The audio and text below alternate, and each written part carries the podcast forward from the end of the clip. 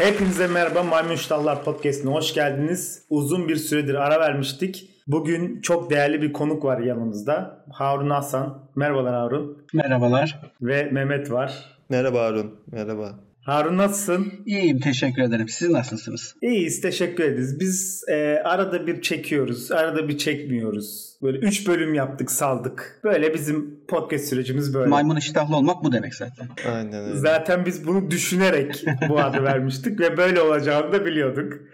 Yerinde bir seçim. Evet Harun seni tanıyalım. Ne yapıyorsun, neler yapıyorsun dinleyicilerimize bahsetmek istersek? Tabii ki klinik psikoloğum. Asıl mesleğim psikologlu. Klinik psikoloğum. Terapistlik yapıyorum. Kendi halim dediğim. Asıl uzmanlık alanım hipnoterapi, hipnoz ve hipnoz uygulamaları. Korku, fobi, anksiyete, kaygı bozuklukları kümesinin altındaki bütün bozukluklarla hipnoterapinin yardımıyla insanlara yardım etmeye çalışıyoruz diye. İşimizin adı bu. Yani sana açıkçası bir hipnoz üstadı diyebilir miyiz? Bu program özelinde en azından.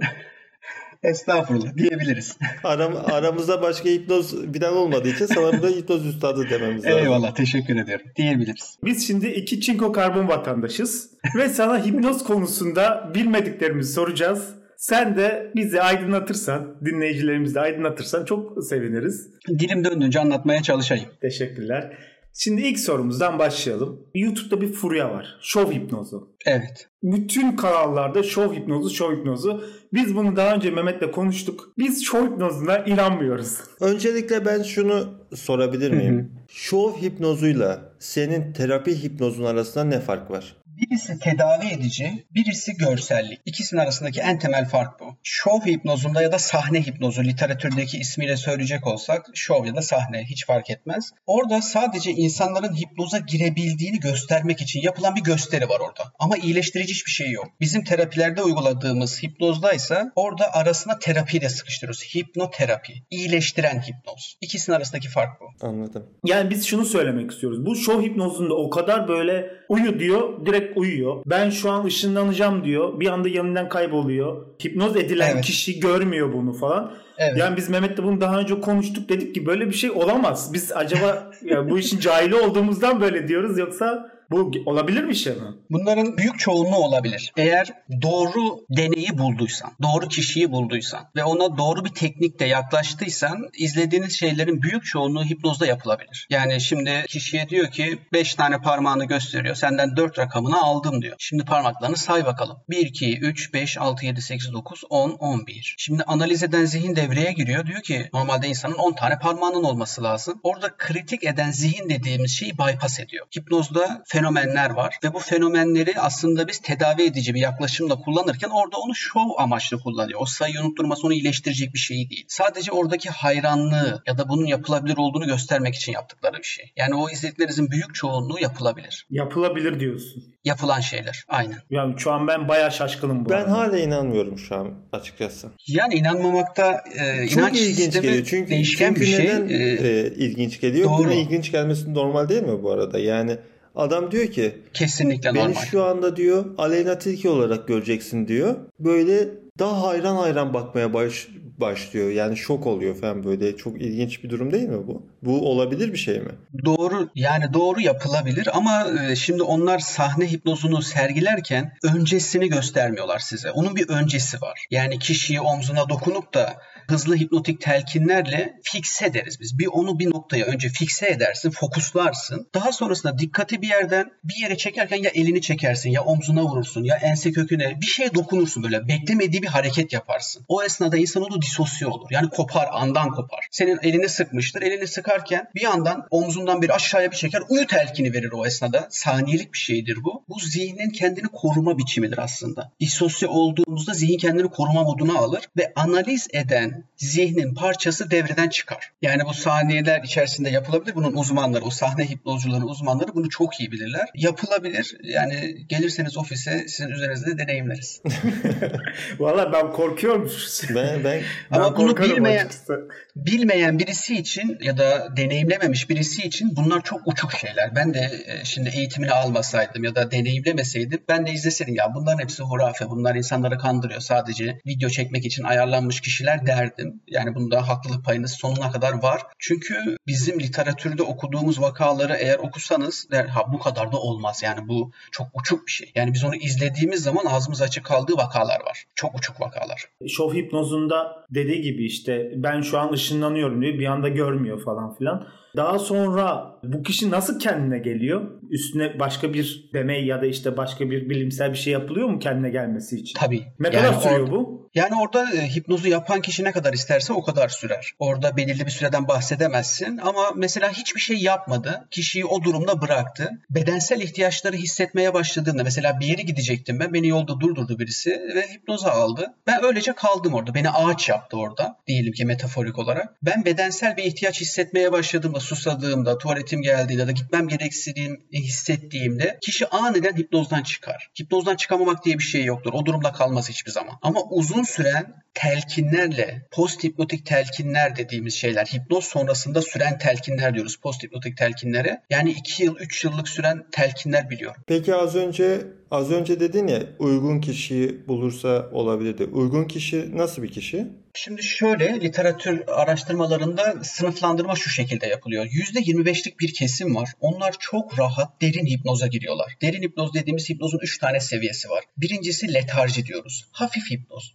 Yani gözlerini kapattın, hafif bir mayışma, sakinlik, dinginlik. Bu benim bahsettiğim terapilerde kullandığımız hipnozun derinlik aşamaları. Daha sonra ikinci aşama var kataleptik. Katılıp kalma hali. Katatonik şizofreniden almıştır ismini. Böyle bal mumu kıvamına gelir kişinin kasları. Bu ikinci seviyedir. Üçüncü seviyede de somnambül aşama deriz. Somnambül.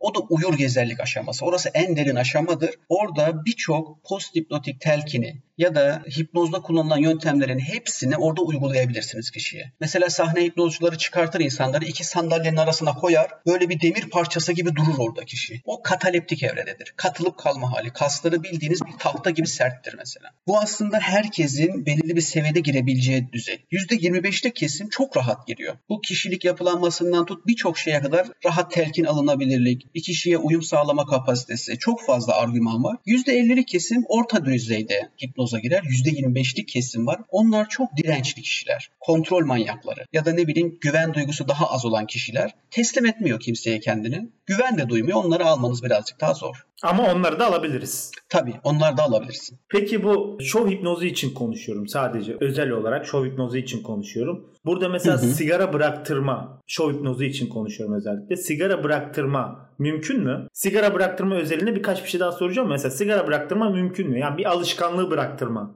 Mümkün. Bunu genellikle şöyle diyeyim hemen onu açıklaya açıklaya gidelim. Hı hı. Şöyle bağımlılıkların altında yatan temel duyguya ulaşırsan sigara işlevini yitirmeye başlar. Şöyle ki o sigarayı ya da uyuşturucu ya da bağımlılık türü neyse onu ona iten bir şey var. Yani bir sıkıntısı var, bir derdi var, bir stresi var. Eğer sen sadece sinekleri öldürmek istiyorsan dersin ki sigarayı her ağzına aldığında, dumanını her içine çektiğinde, burnundan her kokusunu hissettiğinde bir tiksinti ve bir kusma isteğin gelecek. Kişi sigarayı eline alır, o kokuyu hissettiğinde tiksinti ve öğürme telkinini verirsin, elinden bıraktırırsın. Ama benim asıl ihtiyacım sigara içmek değildi. Sigarayla içimdeki duyguyu bastırmaktı. Sen bataklığı kurutmadın, sinekleri öldürdün sadece. O başka bir bağımlılık olarak ortaya çıkar. Ama işini bilen bir terapist onun temeline iner, kökenini kurutur. O sigaranın ayrı, senin sıkıntının ayrı olduğunu ayrıştırır, sigara işlevini yitirir. Yani şunu mu anlamamız gerekiyor? Şov hipnozuyla kısa bir süre bıraktırırsın belki ama Aynen. gerçek bir hipnoz ve terapiyle birlikte bütün sigara duygusunu kurutabilirsin. Aynen öyle. Bağımlılığını. Aynen öyle. Hmm, çok enteresan. Peki bu başka tedavilerde de kullanılıyor mu? Mesela erken boşalma, vajinismus ya da işte bu tür cinsel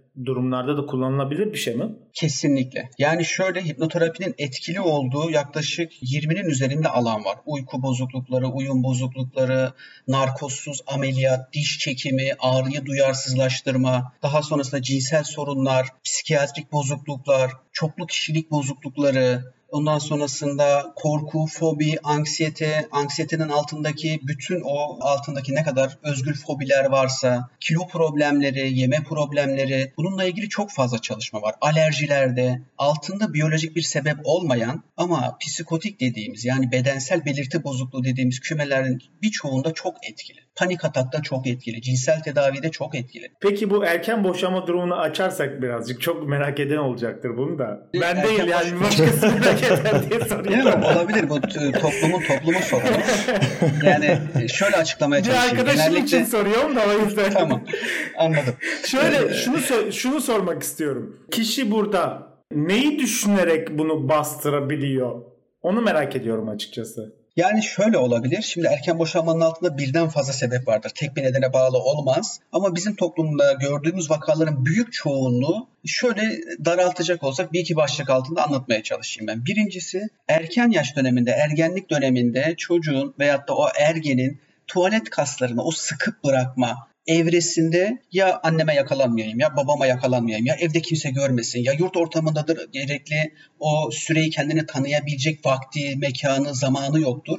Hızlı bir şekilde o hazzı yaşayıp hemen rahatlama aşamasına geçmek ister. Ama orada aynı bir yürürken nasıl çocuğun ayaklarının kasları gelişir, kalemi tutarken kaslar gelişir ya o bölgenin de genital bölgenin de kaslarının gelişmesi lazım. Ama sen o kasları hiç tutmak için e, şey yapmadın, geliştirmedin. Hemen gelsin ve gitsin. Hemen hazzı duyayım ve bitireyim. Onun üzerine kurduğunda o kaslar gelişmiyor. Sonrasında gerçekten cinselliği yaşamaya başladığı evre geldikten sonrasında hiç tutamıyor. Yani kolunu hiç sen e, hareket ettirmeden bir poşeti kaldıramazsın, bir ağırlığı kaldıramazsın. Kaslarının gelişmiş olması lazım. Temel şey hep bu, buradan gelir. Yani deneyim eksikliğinden gelir hızlı boşalma isteğinden gelir. İkincisine de aktarım dediğimiz şey işin ortasına çıkar. Kişi evleneceği eşte ya da ilişkiye gireceği kişide, flörtede neyse ismine ne söylüyorsak orada anne ve anne figürlerine benzer kişileri bulduysa hayatında.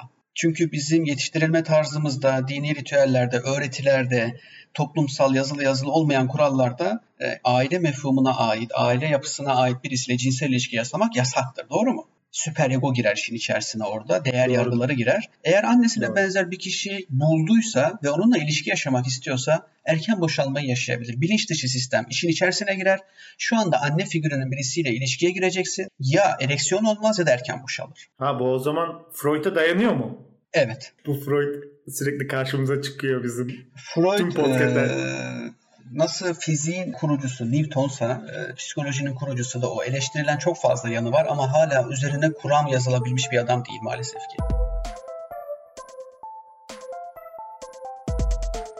Yani biz özetle şunu diyebilir miyiz? Şov hipnozunda kısa süreli bir tedavi gerçekleşebilir ama gerçek tedavinin hipnoterapiyle gerçekleşebileceğini söylüyorsun. Yani şunu da aslında orayı şöyle bir düzeltme yapalım orada. Şov hipnozunda tedavi edici hiçbir şey yok. Sadece şov vardır, gösteri vardır. Oradaki kişi sayıları unutturarak veyahut da bir şey yaparak hiçbir şeyi tedavi edemez. Sadece gösterir. Bak sen hipnoz olabiliyorsun. Bu evrelere gelebiliyorsun. Ne bileyim elini masanın üstüne yapıştırmış gibi hissedebiliyorsun. Bardağı kaldırma dediğimde kaldırmamayı başarıyorsun. Orada zihnin kritik eden birimi bypass edilir. Bütün mesele burada başlıyor. Bilinç dışı zihne açılan bir kapıdır hipnoz.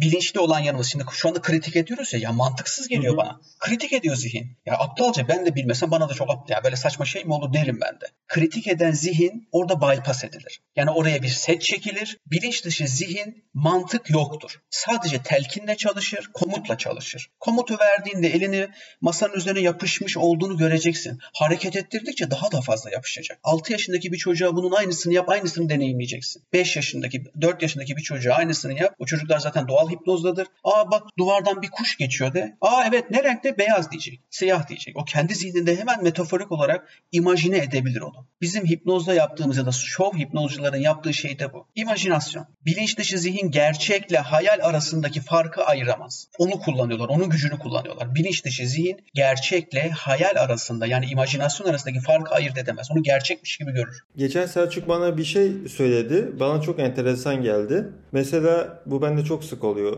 bu arada. Araba kullanırken yolda giderken bir anda ya ben buraya kadar nasıl geldim, nasıl geçtim bu yolları hissi de aslında bir hipnozdur dedi. Bu gerçekten bir hipnoz mudur? Aynen öyle. Bu herkeste olur bu arada.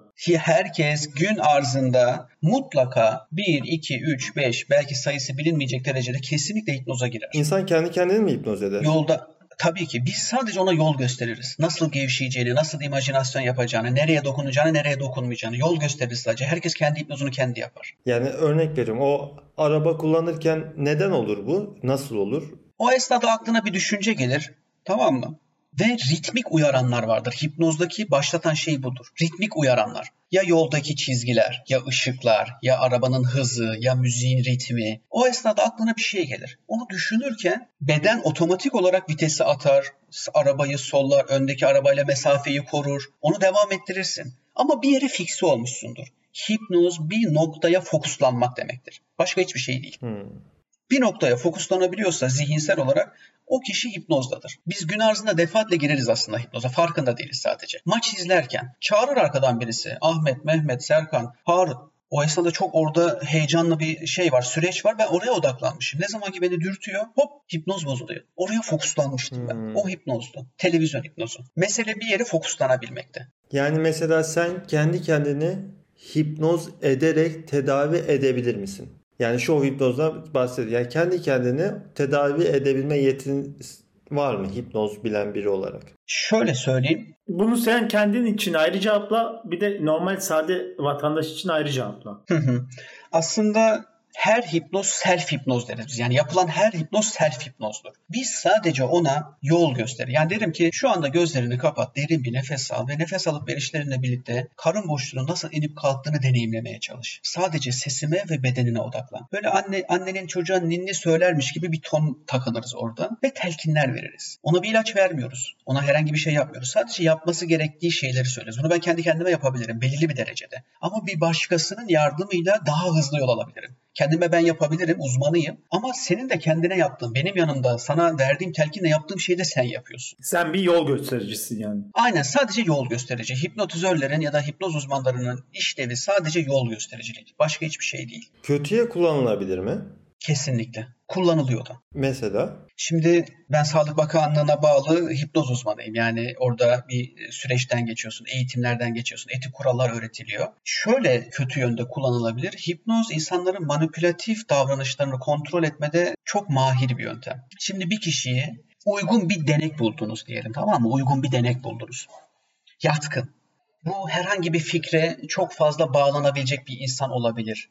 Bu din olabilir, siyaset olabilir, futbol olabilir, bir görüş olabilir hiç fark etmez. Herhangi bir fikre yatkınlığı olan birisi. Hipnoza çok yatkın kişilerdir bunlar. Lafını kesiyorum burada. Orada lafını kesiyorum. Mesela bir arkadaş evet. ortamında oturduğun zaman kimin hipnoza yatkın olduğunu anlayabiliyor musun?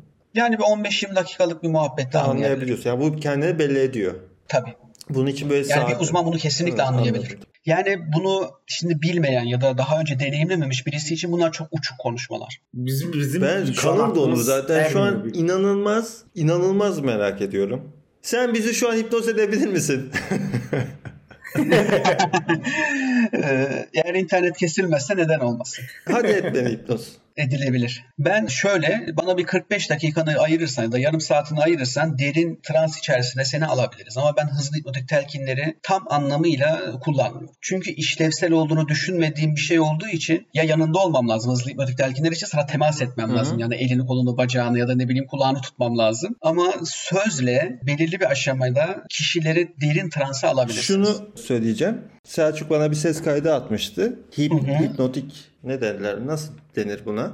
Hipnoz ses ha, kaydı. Hipnoz ses kaydı atmıştı. Yani bunu dinle demişti eğer uykuya dalamadığım bir zaman veya bir şey olmadığı zaman. Bu konuya da nasıl geldik? Ben hipnoza inanmıyorum. Yani o görülen şov kısmına bana hiç inandırıcı gelmedi. Hipnoz diye bir şey olamaz bu kadar diye konuşuyorduk. O da bana atmıştı. Geçen uyuyamadım. Dedim ki açayım Selçuk'un gönderdiği ses kayıtlarından birini. Bak sana yemin ediyorum adamın en son şey dediğini hatırlıyorum. Bir basamaktasın. Basamakların çok onu da hatırlıyorum. Aşağıya doğru iniyorsun. Aşağı doğru iniyorsun. Her basamakta kendini böyle biraz daha bir şey bir şey bir şey gerisi yok bende biliyor musun? Dingin. Evet evet aynen o şekilde.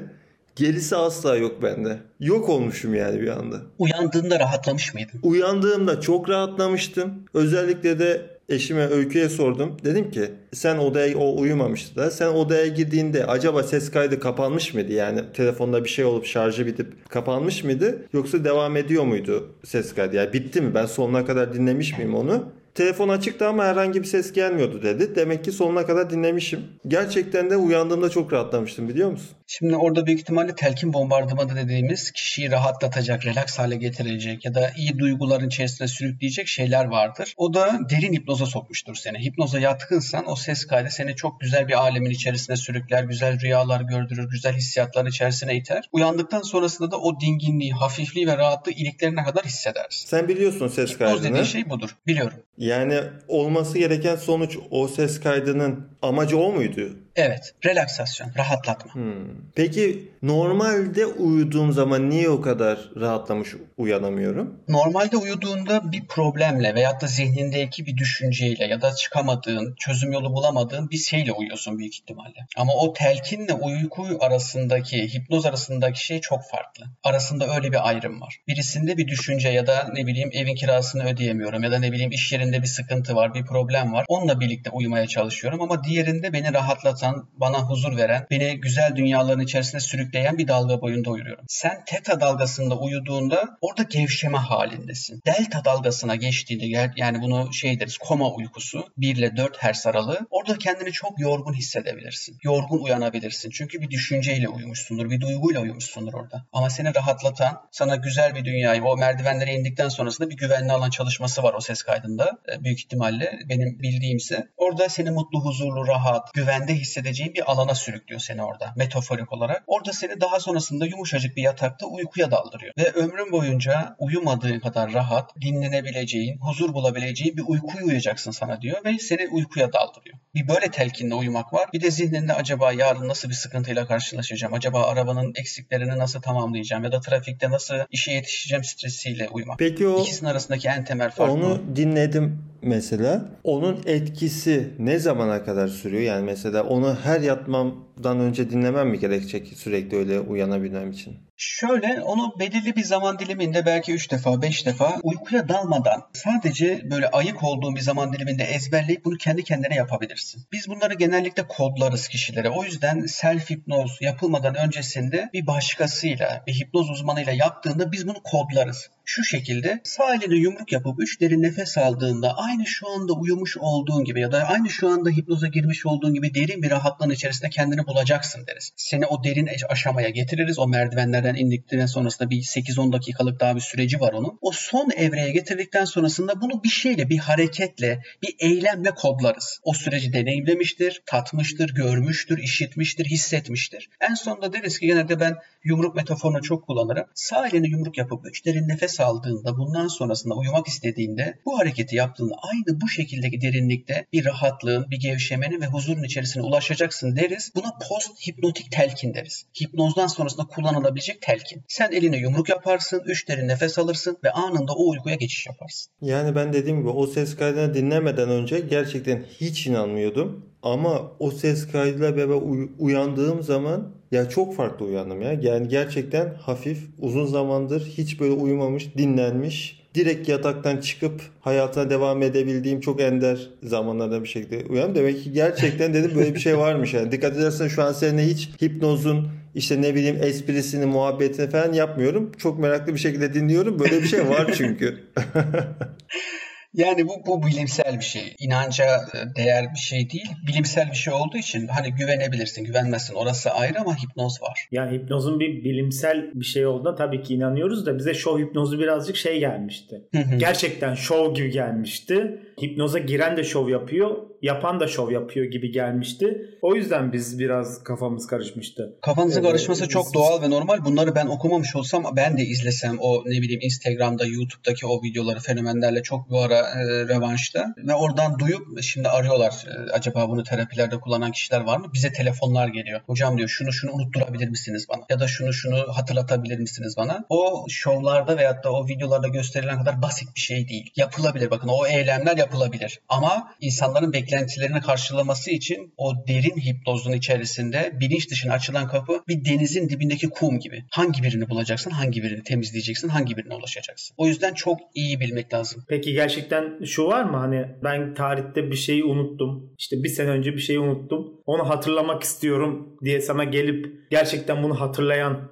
bunu çıkartan biri oldu mu? Orada şöyle bir süreç ilerliyor. Şimdi zihin bir şey hani bu bir, bir bilgi ise bunun özel usulleri var. Önemli bir bilgi ise. Ama bu bir travmaysa zihin kendini koruma yolları vardır. Zihnin kendini koruma yolları, e, ruhsal mekanizmanın kendini koruma yolları vardır. Orada bir bastırma ya da unutma, savunma mekanizması deriz. Onu kullanmıştır. Şimdi benim bilinçli veyahut da bilinç dışı sistem onu bastırdıysa onun bir bildiği vardır. Ya bana çok fazla acı veren bir bilgidir. Ya da benim çok canımı yakan bir travmadır. Ben onu unutarak hayatta kalmayı seçmişim. E sen de bana bunu hatırlatıyorsun. Tekrar ortaya çıkartıyorsun. Halının altına süpürmüştüm ben onu. Onu ortaya çıkarmak bir anda olmaması gereken bir şey. Kişiyi daha fazla travmatize edebilir. Daha büyük bir psikotik hale sokabilir. Daha güçsüz hissettirebilir. Öyle bir tehlikesi var.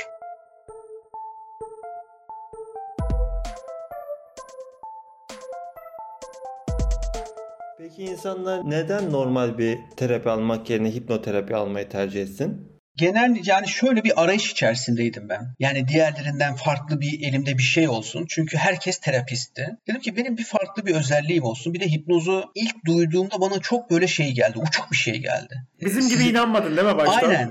Aynen öyle. Yani bu dedim bu kadar mümkün olma olamaz dedim. Ya. Yani bu inandırıcı gelmiyor bana. Ben izlediğim bir şeyde vakada bir kişi transa aldığı kişiyi elini şöyle kaldırdı ve oradan karşı karşıya bir iğne batırdı. Daha sonrasında kişiyi gözlerini açtı ve kişi hani bir elinize iğne battığında normalde bir tepki verirsiniz değil mi? Bir acıma tepkisi verirsiniz. Ama kişinin kılı kıpırdamadı. Daha sonrasında gözünü açtı. Şimdi eline bakar mısın dedi. Aa iğne batmış dedi. Acıyı duyarsızlaştırıyor. Bu bana çok uçuk bir şey geldi. Dedim ki nasıl mümkün olabilir böyle bir şey?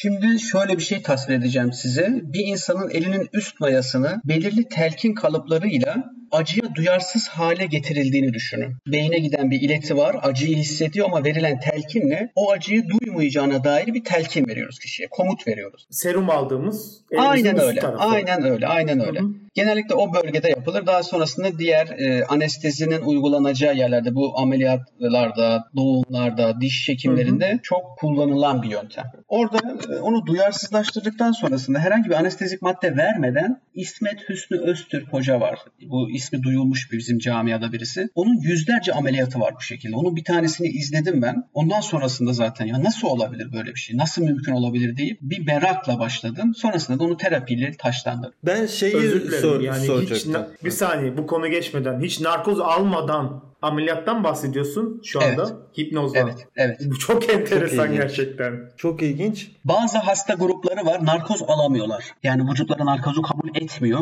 İsmet Hüsnü Öztürk Hoca bunu Türkiye'de yapan ilk kişilerden bir tanesi. Apandis ameliyatları, karaciğer ameliyatları, guatr ameliyatları. Daha sonrasında e, farklı e, şey ameliyatlarının birçok kaydı var. Ben bunların 2-3 tanesini izlemeye nail olmuş birisiyim. Yani bu görmesem veyahut da bunu daha öncesinde deneyimlememiş birisine veyahut da o terapi odasında onu deneyimlememsem çok uçuk bir şey gelirdi bana da bu. Ameliyat Peki, yapılabiliyor. Çok Çok şaşırdığım için söylüyorum. Yani kişi sadece acı duymuyor ama evet. bir yerlerinin kesildiğinin farkında. Tabii. Ama verilen enteresan. telkinle gözlerinizi de kapatıp tamamıyla uyuma telkini verebilirsiniz. Yani o şeyi gözlemesi onun için faydalı olacak bir şey değil. Bilinç açık. Hipnozda bilinç hiçbir zaman kaybolmuyor. Her şeyin farkında, işitiyor. Ama gözlerini kapatıp onu şu anda çok güzel bir musikiyi dinleyecek gibi ya da ne bileyim bir müziği açıp dinleyip onu çok güzel bir sahil ortamında şezlongla yatarken hayal ettirebilirsiniz. O esnada ameliyatınızı yaparsınız. Az önce sordum ya kim işte normal terapi yerine hipnoterapi tercih etsin, kim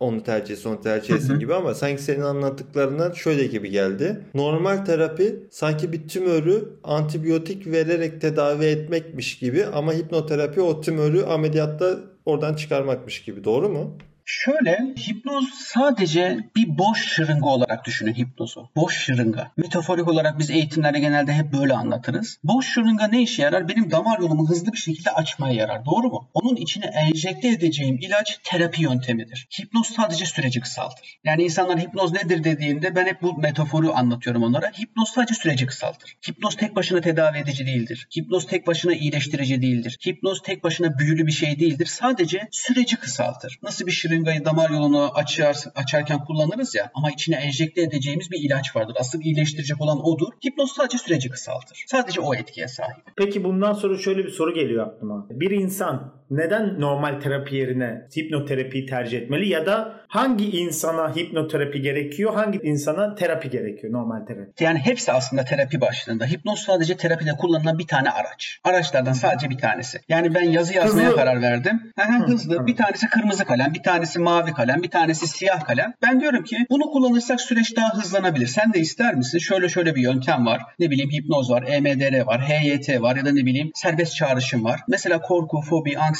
kaygı bozukluğu, panik atak bunlar hipnoz ya da cinsel problemler. Hipnoz hızlı süreci işleniyor ve insanlar da hızlı çözüm bulmak istiyorlar bazen. Onlar da etkili olabileceğini düşündüğümüz kişilere öneriyoruz. Ya da kişiler izliyor, bir yerlerden duyuyor, işitiyor. Hipnozda hocam diyor cinsel tedavi ya da panik atak hızlı ilerleniyormuş, hızlı çözüm bulunuyormuş diyor. O şekilde tercih ediliyor. Yoksa hepsi terapinin bir aracı. Ayrı bir şey değil. Hepsi içinde. Aynı. Ünlü vardı bir tane. Sevgilisini unut- unutmak için hipnoz mu yaptı? Hatır böyle bir şey daha duydunuz mu hiç? Kim diyor hatırlamıyorum da böyle bir şey Duydum. mümkün değil mi? Böyle bir şey böyle bir şey varsa Şimdi e, hani demiştim ya insanlar telefonla arıyorlar veyahut da randevu için arıyorlar. Hocam diyor benim diyor sevgilim beni aldattı. Bana onlarla yaşatılan anıları unutturabilir misiniz? Hipnozun aslında e, şöyle söyleyeyim. Amnezi dediğimiz yani bazı olayları daha iyi hatırlatma veyahut da olan olayları bastırıp unutma gibi bir telkin kalıbı veyahut da bir yöntemi var. Ama işin içerisinde duygu varsa tehlikeli olan kısım şurası. Şimdi ben senin sevgilinle olan bütün anıları sildim diyelim. Onun görüntüsünü, sana söylediği sözleri. Orada öyle ince bir işlik çıkarman gerekiyor ki. Sen bir gün onunla sinemaya gittin diyelim. Bir caddeden geçtin. Ve onunla birlikte yürüyordun orada. Ben de anıları sildim. Şimdi o caddeye geldiğinde data diyecek ki sen buradan daha öncesine geçtin. Ve buradan geçerken bir şey vardı yanında.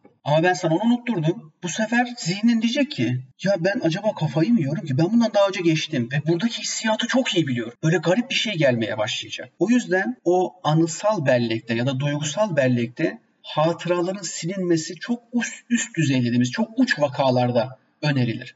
Anı silmek tehlikeli bir şeydir. Orada çok iyi işçilik çıkarman lazım ama hiç kimsenin de onlarla uğraşacağını zannetmiyorum. Oradaki duygunun neden canını Çok da acıttığını... sağlıklı bir yöntem değil yani. Aynen. Aynen öyle. Çok sağlıklı bir şey değil. Hangi birini sileceksin?